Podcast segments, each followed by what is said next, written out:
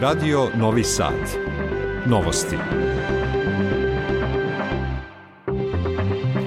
Dobar dan, ja sam Slobodan Vidović. Moje ime je Jadranka Mitić. Ovo su najvažnije vesti. Američki zvaničnik Derek Šole u Beogradu od energetike do dijaloga sa Prištinom. Narodna banka Srbije ponovo povećala referentnu kamatnu stopu. U Srbiji potvrđeni prvi slučajevi malih boginja, tuberkuloza u Novom pazaru. Za doček srpske nove godine pojačana kontrola saobraćaja najavljuju u policiji. Sutra promenljivo oblačno uz malo sunca temperatura do 10 stepeni, sada je u Novom Sadu 8.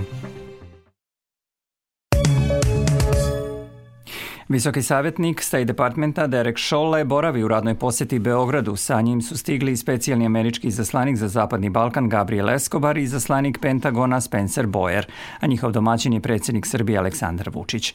Planiran je i susret sa premijerkom Anom Brnabić i šefom naše diplomatije Ivicom Dačićem. Reč je o nastavku zapadno-balkanske turneje započete juče u Skoplju i Prištini sa agendom na kojoj su ključne teme energetska stabilnost, ekonomija, regionalno povezivanje i politička politička stabilnost. U okviru toga i nastavak dijaloga Beograda i Prištine. Pripremila Aleksandra Raković. Cilj posete je resetovanje odnosa u regionu i jačanje pozicija i uticaja Vašingtona, koji se ogledaju pre svega u odnosima Beograda i Prištine. Očekuje se da će u narednim potezima State Department insistirati na jasnim koracima ka formiranju zajednice srpskih opština. Na to ukazuju Šolove nedavne izjave, kojima je nedvosmisleno dao prednost briselskom sporazumu u odnosu na nove predloge koji stižu iz Evropske unije. Otuda je među najvažnijim temama današnje posete nastavak dijaloga, ali i političko-bezbednostna situacija na Kosovu i Metohiji, izjavio je državni sekretar u Ministarstvu odbrane Nemanja Starović. Želimo da verujemo da uprkos velikoj razlici koja postoji u našem pristupu kada govorimo o zvaničnom Vašingtonu i Beogradu, a tiče se naravno statusnog pitanja Kosova i Metohije, postoji ipak jedna stvar koja nas negde spaja, a to je želja da ne dođe do bilo kakve eskalacije ili pak oružane eskalacije na prostoru Kosova i Metohije. Verujem da u tom cilju možemo da radimo zajedno s Sjedinjenim američkim državama. U politici State Departmenta ne treba očekivati značajnije promene po pitanju budućeg dijaloga, ali evidentno je veće razumevanje prema teškoj političkoj poziciji Beograda, tvrdi profesor Fakulteta političkih nauka Stefan Surlić, koji ističe da Sjedinjene države ovom posetom šalju jasne i konkretne poruke a naročito da će akcenat imati na Prištini koja se dosta destruktivno odnosi prema celokupnom procesu i koja je zapravo urušila i ono što je do sada mukotrpno u procesu dijaloga u Briselu bilo postignuto. Poruka bi možda značili reset ponašanja Prištine pre svega prema kontekstu dijaloga, ali i prema srpskoj zajednici koja živi na Kosovu. Prema oceni politikologa Vuka Velebita, američka administracija je svesna da probleme na Zapadnom Balkanu ne pravi Beograd nego Priština. Takođe je svesna političkog značaja Beograda i njegove uloge u ekonomskom povezivanju i izgradnji regionalnih odnosa. Upravo tu State Department vidi moguće dugoročno strateško partnerstvo. Mislim da su vrata za to otvorena danas i da je u ovom trenutku jako bitno da se radi na izgradnji tog poverenja sa obe strane i da Beograd može da veruje Vašingtonu, ali da može i Vašington da veruje Beogradu. Današnja poseta uvodi u dinamičnu diplomatsku sedmicu u okviru koje se u narednim danima u Beogradu i Prištini očekuju i izaslanici Francuske i Nemačke, kao i evropski posrednik u dijalogu Miroslav Lajčak a Odbor za građanske slobode, pravosuđe i unutrašnje poslove Evropskog parlamenta izglasao je viznu liberalizaciju za takozvano Kosovo. To je objavljeno na zvaničnom Twitteru odbora na kome je navedeno da je za odluku glasalo 48 europoslanika, 7 je bilo protiv, a 3 su bila uzdržana. Kako se navodi odluci bi trebalo da se glasa na plenarne sednici Evropskog parlamenta. U centru severnog dela Kosovske Mitrovice održava se protestni skup za oslobađanje pritvorenog Slađana Trajkovića. Protest je organizovala supruga Slađana sa porodicom, prijateljima i komšijama, među kojima su i Albanci. Trajkovićev advokat Dejan Vasić kaže da je njegov klijent diabetičar i da mu je zdravstveno stanje zbog neadekvatnog lečenja pogoršano u pritvoru. Specijalno tužiloštvo uputilo je juče zahtev da se Slađanu produži pritvor, o čemu će do 15. januara odlučiti osnovni sud u Prištini. Bivši pripadnik kosovske policije Slađan Trajković uhapšen je 16. decembra prošle godine i optužen za ratne zločine. U integrisanoj policiji radio je od 2013. a uhapšen je nakon što je napustio kosovsku policijsku službu. Narodna banka Srbije povećala je referentnu kamatnu stopu za 25 baznih poena na nivo od 5,25%. Povećana je i stopa na depozitne olakšice na 4,25 kao i na kreditne olakšice na 6,25%. Takvim odlukama, kako kažu, Centralna banka nastavlja da pooštrava monetarne uslove i da utiče na ograničavanje sekundarnih efekata troškovnih pritisaka na rast cena putem inflacionih očekivanja. Današnje povećanje referentne kamatne stope je njeno deseto uzastopno povećanje, počevši od aprila prošle godine. U saopštenju Narodne banke navodi se i da je prosečna godišnja inflacija prošle godine bila 11,9%, a prema preliminarnim procenama Republičkog zavoda za statistiku, međugodišnja inflacija u decembru bila je na nivou od 15,1%. Ukupna inflacija ostaće povišena i početkom godine, pre svega zbog najavljenog poskupljenja struje i gasa, ali će nakon toga početi da opada uz znatniji pad u drugoj polovini godine i povratak u granice cilja cilja do kraja perioda projekcije, ocenjuju u Narodnoj banci Srbije. A Republika Srbija prodala je na aukciji 12-godišnje državne obveznice u iznosu od 10 milijardi 100 miliona dinara, objavila je Uprava za javni dug. Državne obveznice prodate su po stopi prinosa od 7,15% na godišnjem nivou, a na naplatu dospevaju 20. avgusta 2032. godine. Isplata kupona u iznosu od 4,5% obavljaće se polugodišnje i to svakog 20. februara i 20. avgusta do datuma dospeća. Ministarka rudarstva i energetike Dubravka Đedović uputila je dopis direktorima energetskih preduzeća za proizvodnju, prenos i distribuciju električne energije, u kojem ih podsjeća na zakonske obaveze radi nesmetanog funkcionisanja energetskog sistema i obezbeđenja sigurnog snabdevanja građana i privrede električnom energijom.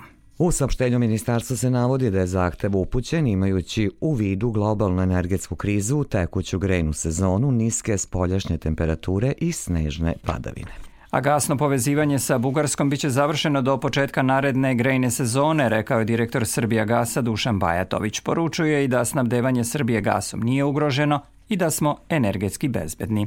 Pripremila Vesna Balta. Sa završetkom srpske trase od Niša do Dimitrovgrada neće biti problema, kaže Bajatović za RTS, objašnjavajući kako teku radovi. Zavareno je negde oko 25% procenata cevi i treba da počne polaganje. Ekspropriacija je uspešno završena, što je kod nas obično glavni problem. Koliko ja imam, to je najnovija informacija. Mislim da će bugarska strana 1. februara uraditi prvi završ, što znači da i oni kreću njihova donica je nešto i lakša nego naša i kraća i ja očekujem da ćemo zaista taj interkonektor koji će povezivati bugarski gasni sistem sistem i srpski gasni sistem mimo turskog toka, odnosno balkanskog interkonektora koji smo mi uradili, ovaj, omogućiti praktično i diversifikaciju. Govoreći o ceni gasa, Bajatović podsjeća da zbog dogovora predsjednika Srbije i Rusije, naša zemlja ima 15% nižu cenu tog energenta od one koju bismo plaćali na referentnoj berzi. Mi imamo 2 milijarde po naftnoj formuli, to je sa 396 dolara za 1000 kubnih metara, to je ono što su predsjednik Vučić i predsjednik Putin dogovorili, to se zaista besprekorno odvija preko turskog toka i ovog interkonektora koji mi imamo između Bugarske i Mađarske, a prolazi kroz Srbiju, mi faktički možemo da vučemo do 13 miliona metara kubnih dnevno, znači niče nismo ugroženi u snabdevanju. Banatski dvor je pun, u Mađarskoj smo negde više od 280 miliona metara kubnih, u Banatskom dvoru 286, mi smo energetski bezbedni. Srbija gas ima zadatak da ubrza gasifikaciju zemlje kako bi se što više građana i privrede priključilo na gas. Direktor tog preduzeća Dušan Bajatović kaže da je gasifikovano oko 40% teritorije Srbije, a po broju stanovnika 55%. U Srbiju su stigle male boginje, a prvi slučajevi potvrđeni su kod troje dece uzrasta do godinu i po dana i jedne odrasle osobe iz Smedereva. Njihovo zdravstveno stanje je za sada dobro, rekla direktorka Instituta za javno zdravlje Milan Jovanović-Batut Verica Jovanović. Ona je apelovala na roditelje da vakcinišu svoju decu. Prema njenim rečima obuhvat vakcinisane dece MMR vakcinom u Srbiji je najniži, a trebalo bi da iznosi preko 95%, što nije slučaj. Direktorka Batuta upozorava da komplikacije mogu biti teške, pa čak i da dovedu do smrtnog ishoda, što se dešavalo za vreme poslednje epidemije.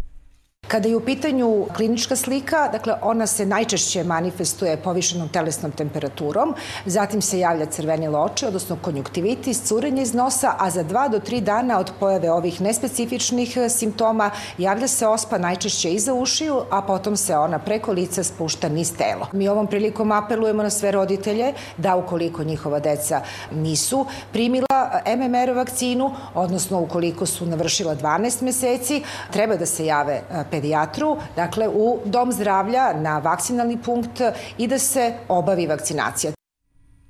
Ukupno devetoro dece iz Novog Pazara obolelo je od tuberkuloze, potvrdili su iz Zavoda za javno zdravlje u tom gradu. Epidemiolog Safet Ganić kaže da je zdravstveno stanje dece stabilno i bez komplikacija, jer su svi vakcinisani po rođenju i primaju redovnu terapiju. Naveo je da će testiranje dece biti nastavljeno kako bi se utvrdilo da li ima još obolelih.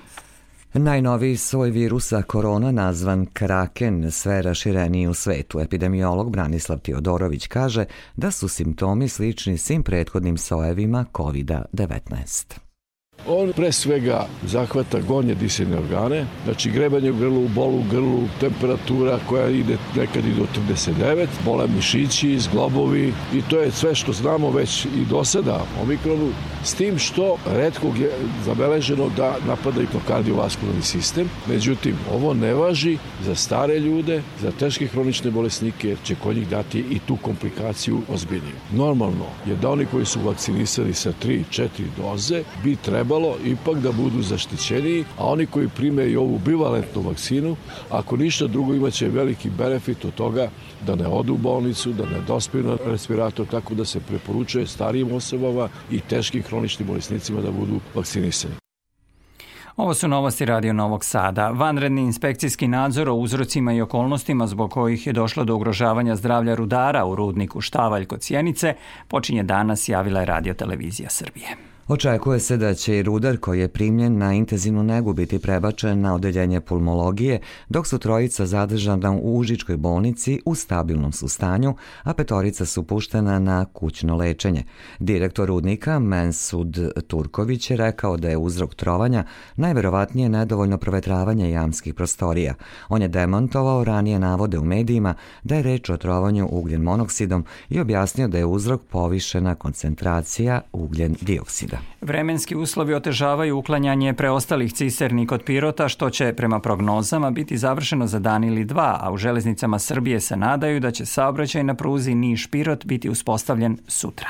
I dalje je na snazi vanredna situacija proglašena 25. decembra posle iskakanja četiri od 20 vagona koji su prevozili amonijak. Tada je dvoje ljudi izgubilo život. Zamenik gradonačelnika Pirota Miloš Colić je izjavio da se nada da je najveća opasnost otklonjena, jer je najveći deo amonijaka iz cisterne broj 13 pretočen u autocisterne. U nastavku vesti iz regiona i sveta, za vreme božićnih praznika 5. i 6. januara porušeno je i oštećeno 13 spomenika na Srpskom pravoslavnom groblju u Vukovaru. Srpska pravoslavna crkva saopštava da je obaveštena policija koja je obavila uviđaj i dodaje da je to treći vandalski i nečevečan čin u kratkom vremenu. Predsednik Saveza Srba iz regiona Miodrag Linta ocenio je to uništavanje kao nastavak antisrpske mržnje. On je zbog toga pozvao predstavništvo Evropske komisije u Zagrebu da najoštrije osudi taj bezumni čin i da traži od vlade Hrvatske da nadležni organi u što kraćem vremenskom roku pronađu i adekvatno kazne organizatore i počinioce. Linta je naveo da su uništeni spomenici na groblju starom više od 200 godina, a koja je jedan od najstarijih dokaza postojanja srpskog naroda naroda u Vukovaru. Na ukrajinskom frontu traju žestoke borbe. Kijev saopštava da Rusija gomila snage u Ukrajini, ali da se ukrajinska vojska drži u žestokim borbama za kontrolu nad Soledarom. Istovremeno, Rusko ministarstvo odbrane poručuje da se ofanziva u Donjecku nastavlja, kako kažu, uspešno, dok je vojno-civilna uprava tog regiona objavila da su u Soledaru preostali džepovi otpora. Stalna misija Rusije pri Ujedinjenim nacijama sazvala je sednicu Saveta bezbednosti Ujedinjenih nacija o Ukrajini za 17. januar javlja Sputnik. Navodi se da je povod za to decembarsko granatiranje oružanih snaga Ukrajine Donbasa. Još jedna vest iz sveta, Svetska zdravstvena organizacija upozorila je da bi tradicionalna proslava lunarne nove godine u Kini mogla da doprinese jačanju epidemije virusa korona, a stanovnici Kine zabrinuti su zbog širenja COVID-19 među starijom populacijom. Očekuje se da će više od 2 milijarde ljudi putovati za vreme razdoblja lunarne nove godine, koja je počela 7. januara i traje 40 dana. Uprava za poljoprivredno zemljište produžila je do sutra u 16 časova rok za prijavljivanje za javne nadmetanja za parcele u šest opština i gradova. Na internet stranici te uprave navedeno da je novi rok dat za opštine Šid, Bosilegrad, Opovo, Aleksandrovac, Svilajnac i Vršac, gde je prijavljivanje bilo dozvoljeno do juče. Rok je produžen zbog, kako je objašnjeno, tehničkih problema u radu aplikacije Digitalno javno nadmetanje, navela je uprava za za poljoprivredno zemljište. Posljedice prošlogodišnje katastrofalne suše u regionu Subotice vidljive su i na novoj proizvodnji. Prve analize sadržaja azota u zemljištu, poljoprivredne stručne i savjetodavne službe pokazuju da se jesenas ide kako štedelo na primjeni azotnih đubriva u setvi, tako da će biti potrebno primeniti velike količine tog đubriva u prihrani. Problem za useve su i vremenski uslovi koji ni približno ne odgovaraju kalendarskoj zimi. Opširnije Boris Šuman. Kao i prošle, i početak ove godine praćen je netipičnim vremenskim prilikama. Izostanak snega i dugotrajnih minusa uticao je da se pšenice razvijaju tokom cele zime, što nije da ne pogoduje, ali nije ni dobro, jer u narednim fazama može doći do poleganja, tako da će na proleće morati da se koriste regulatori rasta. Kod uljenih repica na pojedinim parcelama prisutno je crvenilo, ali to ne bi trebalo da zabrine. O tome govori savetodavac u poljoprivrednoj stručnoj savetodavnoj službi u Subotici Neven Orčić. Ono što možemo reći da je većina pšenica dobro izbokorena, da su čak i one pšenice koje su kasnije posijane izvan optimalnog roka, imaju čak su fazi dva lista trenutno, što je dobro. Ono što nije dobro trenutno je da je primećena pojava određenih patogena na, na samim biljkama, to je usled povišenih temperatura i možemo savjetovim poljoprivrednim proizvođačima da obrate pažnju patogene i na proleće ako bude potrebe što ranije rade primjenu određenih mera. Ako se uzme u obzir sve što je zadesilo poljoprivredu Srbije u poslednjih godinu dana, jako je nezahvalno sada izlačiti bilo kakve projekcije vezane za prolećnu setvu. Poljoprivrednici se nadaju da će se sve vratiti na staro, a prvi korak ka tome bi bio da padnu temperature, sneg i da zima konačno bude zima a zbog organizovanih proslava Srpske nove godine i završetka školskog raspusta ovog vikenda očekuje se značajno povećanje frekvencije saobraćaja na svim najvažnijim putnim pravcima u našoj zemlji, saopštilo je Ministarstvo unutrašnjih poslova najavljujući nastavak pojačane kontrole saobraćaja. Za svega 10 dana otkriveno je 25.000 saobraćajnih prekršaja i saobraćaj isključeno više od 1700 vozača koji su upravljali vozilom pod dejstvom alkohola, a deo njih je bio pod dejstvom psihoaktivnih substanci. Policija apeluje na sve učesnike u saobraćaju da poštuju saobraćene propise i da odgovornim ponašanjem doprinesu očuvanju bezbednosti saobraćaja za vreme praznika, a posebno apeluje na vozače da ne upravljaju vozilom pod dejstvom alkohola i psihoaktivnih substanci.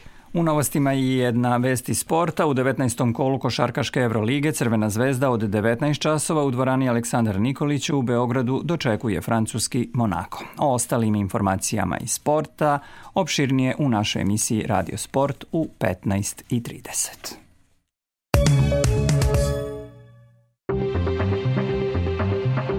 još jednom podsjećamo na najvažnije vesti. Američki zvaničnik Derek Šole u Beogradu. Od energetike do dijaloga sa Prištinom. Narodna banka Srbije ponovo povećala referentnu kamatnu stopu. U Srbiji potvrđeni prvi slučajevi malih boginja, tuberkuloza u Novom pazaru. Za doček Srpske nove godine pojačana kontrola saobraćaja najavljuju u policiji. Sutra promenljivo oblačno uz malo sunca. Evo detaljnije prognoze. U Vojvodini u petak suvo uz manji porast temperature u odnosu na četvrtak. Minimalni jutar je temperatura od minus 1 do 2, a maksimalna od 8 do 10 stepeni. Uveče suvo, ali uz naobločenje na severu Vojvodine gde je moguća slaba kiša tokom noći ka suboti. U subotu prolazno naobločenje sa kišom povremeno koje se premešta od severa ka jugu Srbije. Na planinama iznad 800 metara nadmorske visine će parati sneg, a na severu Vojvodine se razvedrava tokom prepodneva, a popodne u većem delu Vojvodine. Za Radio Novi Sad Stanko Sparavalo, Meteos. Slušali ste novosti pro programa radija Radio Televizije Vojvodine. Ovu emisiju možete slušati odloženo na sajtu rtv.rs gde možete pročitati sve važne informacije iz zemlje i sveta. Emisiju tonski realizovala Mila Mihnjak, producentkinja Branislava Stefanović. Pred mikrofonom bili Slobodan Vidović i Jadranka Mitić.